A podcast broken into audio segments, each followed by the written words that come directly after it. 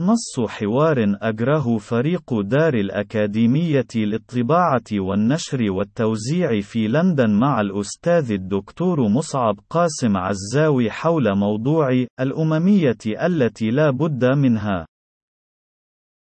فريق دار الأكاديمية ما هي خيارات الفئات المستضعفة على المستوى الكوني في مواجهة العسف والإفقار المتفاقم الذي تعانيه في سياق الرأسمالية بشكلها العولمي المعاصر؟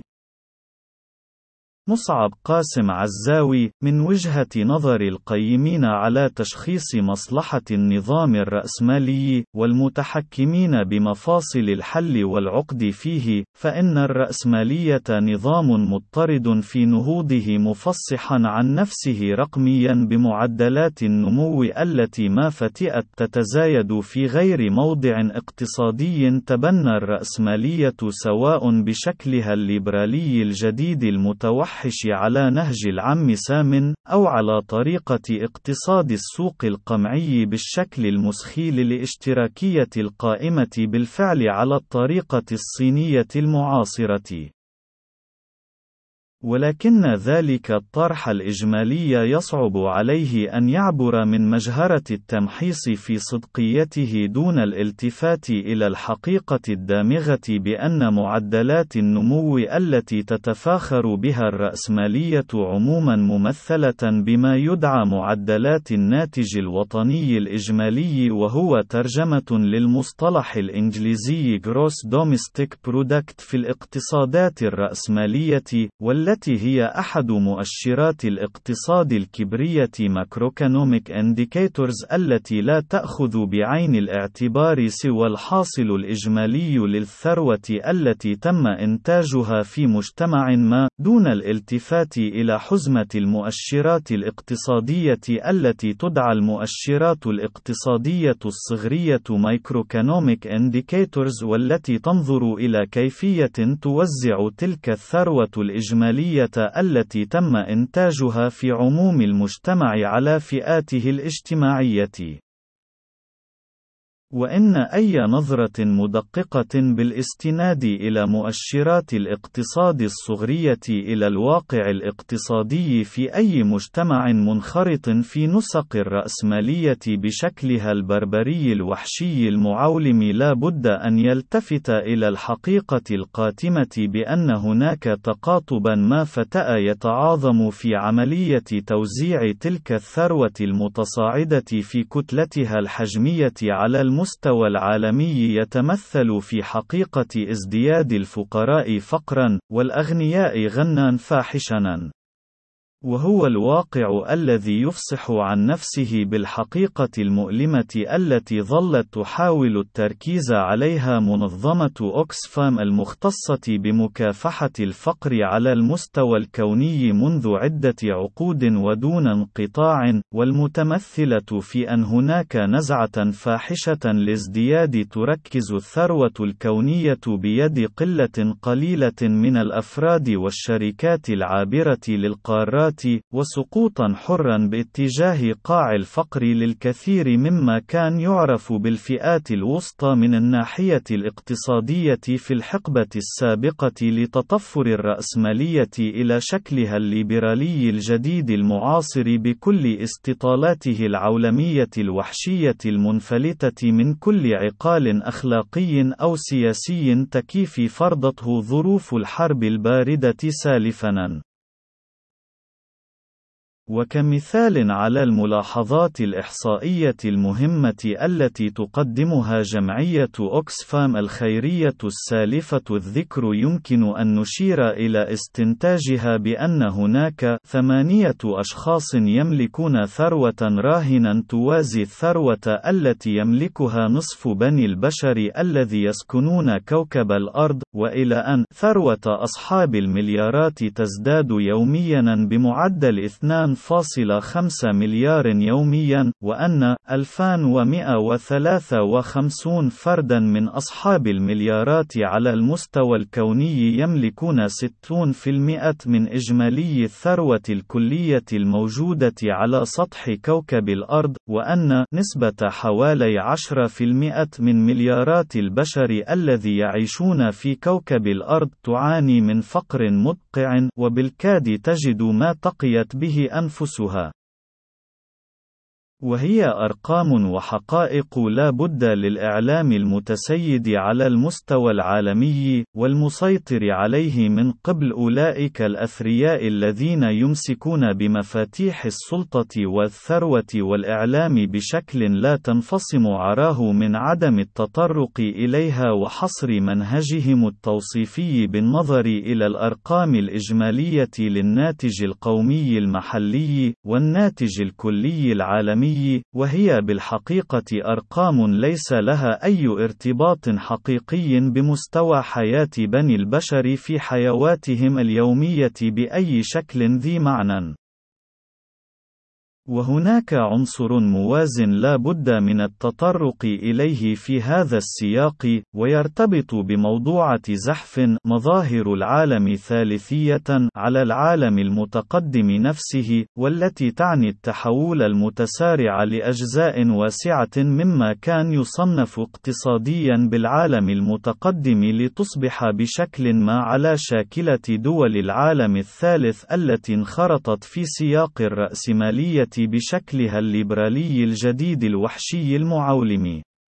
وهو شكل اقتصادي جوهره ازدياد الفقراء فقرا وازدياد الأغنياء غننا وتلاش للطبقات الوسطى وتراجع كلياني لدور الدولة في حماية الفئات المستضعفة وفي حماية وصيانة المجتمع عبر تراجعها عن القيام بالمشاريع التنموية والخدمات الاجتماعية الأساسية في بناء وصيانة البنى التحتية وترقية الصحة، وتعزيز التعلم التعليم في المجتمع، وتراجعها عن كل ما يرتبط بحزام الأمن الاجتماعي للفئات المستضعفة من الأطفال والنساء والشيوخ والعاجزين، والانخراط في هوس محموم لخصخصة كل ما تملكه الدولة من مؤسسات ووظائف اقتصادية، وتحويلها إلى القطاع الخاص الذي لا ضالة له سوى تحقيق الربح السريع، ولا وجود في قاموسه لأي ما يرتبط بالدور الاجتماعي الذي لا بد للدولة من القيام به كجزء من روافع العقد الاجتماعي الذي يؤسس لتشارك الأفراد وانتمائهم إلى المجتمع الذي يعيشون فيه معبرا عن نفسه بكيان الدولة التي يقع في حياضها الجغرافية. وهو واقع بائس صار يطل بوجهه القبيح في غير موضع من العالم المتقدم بعد تراجع خطر انزياح الفئات الشعبية تجاه النظام البديل ممثلا بالاتحاد السوفيتي إبان حقبة الحرب الباردة وهو ما عنا إمكانية تطبيق نفس الوصفات الاقتصادية الجاهزة التي تدعى بوصفات التصحح الهيكلي التي ليس في جعبة رؤوس الحراب الرأسمالية الإمبريالية ممثلة بصندوق النقد الدولي والبنك الدولي سواها، وهما اللذان لا بد للدول المفقرة النامية من اللجوء إليهما للاقتراض منهما لمحاولة الإبقاء على الحد الأدنى من إمكانيات الحياة في مجتمعاتهم، وهي الوصفات التي تلزم الدولة بالتخلي عن كل واجبات ذاتها بالشكل السالف الذكر وتحويلها إلى القطاع الخاص معللة ذلك بنظرية التقاطر للأسفل trickle down theory والتي مفادها أن تراكم الثروة بيد القطاع الخاص ورموزه لا بد أن يفضي إلى تسرب تلك الثروات ونزولها قطرات إلى الفئات الاقتصادية التي تقع تحت تلك الفئات الثرية في سلم الثروة. وهي نظرية خلبية ثبت بطلانها بالحقائق والأرقام الإحصائية التي توردها باضطراد منظمة أوكسفام كما أشرنا إليه آنفًا. ومدلول ذلك الواقع المأزوم على المستوى الكوني يفصح عن نفسه في دول الشمال المتقدم عبر تحولها التدريجي إلى نماذج تشبه في كثير من تفاصيلها مجتمعات العالم الثالث، والتي فيها المجتمع عبارة عن جزر معزولة من الثراء الفاحش محاطة ببحور من الفقر المدقع والصراع اليومي المضني للبقاء على قيد الحياة للبقية الباقية من أفراد المجتمع الذين ليسوا في عداد الفئة المحظية من الأثرياء المترفين المتقوقعين على أنفسهم في جزرهم المعزولة.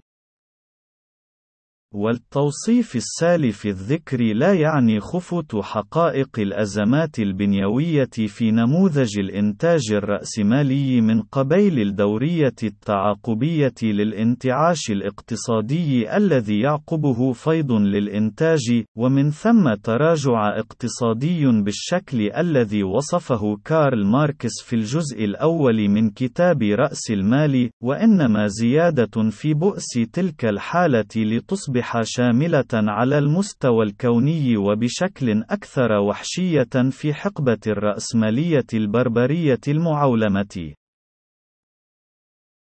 وهذا النموذج من طبيعة العلاقات الاقتصادية ونظم الهيمنة الناشئة عنها، والتي تعمل دائما لتوطيد هيمنة الأقوياء الأثرياء على المفقرين المستضعفين على المستوى الكوني لا يمكن مقاومتها إلا باستنهاض نموذج جديد من الأممية internationalism تجمع المفقرين والمستضعفين وتنسق الجهود النضالية في فيما بينهم بشكل لا بد أن يضرب بقوة الأداة الرافعة الأساسية التي تؤسس لاستمرار قدرة الأقوياء وممثل الرأسمالية المعولمة في نهب مقدرات الشعوب والمفقرين على المستوى الكوني، والتي تتمثل في إمكانية الاستغلال اللامحدود للطبقات العاملة عبر التنقل بين الحدود الجغرافية وزرع التنافس بين الطبقات العاملة المتباعدة جغرافيا، بحيث تصبح الطبقة العاملة في الدول المنهوبة في العالم الثالث كإندونيسيا والفلبين والمكسيك والهند والصين ومصر وغيرها متنافسة فيما بينها على من يستطيع تقديم الخدمات التي تنشدها الشركات العابرة للقارات بأرخص الأسعار على حساب الأجور البخسة التي يتقاضى قضاها العمال في هذه الدولة أو تلك، وهو ما انعكس في التناقص المريع للأجور في الدول النامية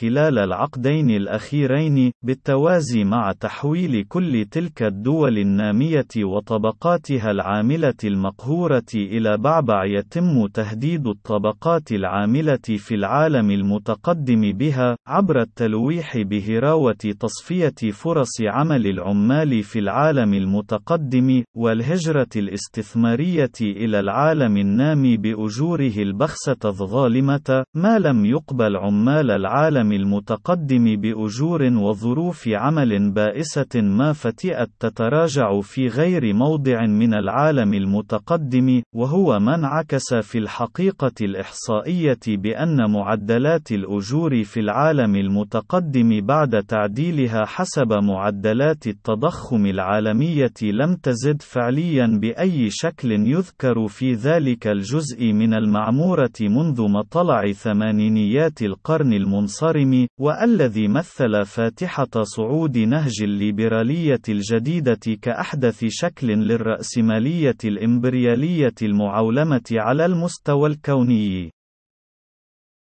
وذلك النسق الأخير من تأليب الطبقة العاملة في مجتمع على الطبقة العاملة في مجتمع آخر، بغض النظر عن الظروف الاقتصادية في المجتمعين يمثل التعويذة السحرية التي دونها قد يصعب على الرأسمالية الإمبريالية العابرة للقارات الاستمرار في تغولها المنفلت من كل عقال على كل مصادر الثروة في الكوكب وتحويل حيوات الغالبية العظمى من البشر إلى لهاث للحظيان بفرصة أفضل للعمل كعبيد مؤقتين بأجر محدد بالكاد يبقيهم على قيد الحياة ومن يعولونهم. وذاك الحال البائس من تغول الأقوياء الأثرياء على المفقرين المستضعفين في كل أصقاع الأراضين وبدرجات وحدات وأشكال وتلاوين مختلفة لا يمكن تهشيم تعويذته السحرية وشيفرة ديمومته سوى بإعلان التضامن بين الطبقات العاملة على المستوى الكوني ضرورة ملحة وعاجلة وطارئة لا بد من تسخير كل طاقات الطبقات العاملة على المستوى الكوني لأجل إدراكها عبر تضامن يرغم الشركات العابرة للقارات بعدم استغلال حاجة العمال في أي بقعة جغرافية، بشكل يحصل فيه العمال على حقوق متساوية بغض النظر عن المجتمعات التي يعيشون ويعملون فيها، وهو ما يمكن الوصول إليه حصرا بإعلان إعلان تضامن أممي للطبقة العاملة عابر للقارات يوازي في قوة صبره ومصابرته واجتهاد المؤمنين فيه القوة الغاشمة التي سوف تبذلها الشركات العابرة للقارات نفسها والقيم عليها من الأثرياء الأقوياء لمقاومته ومنع تحققه بكل السبل الوحشية الماكرة المخاتلة.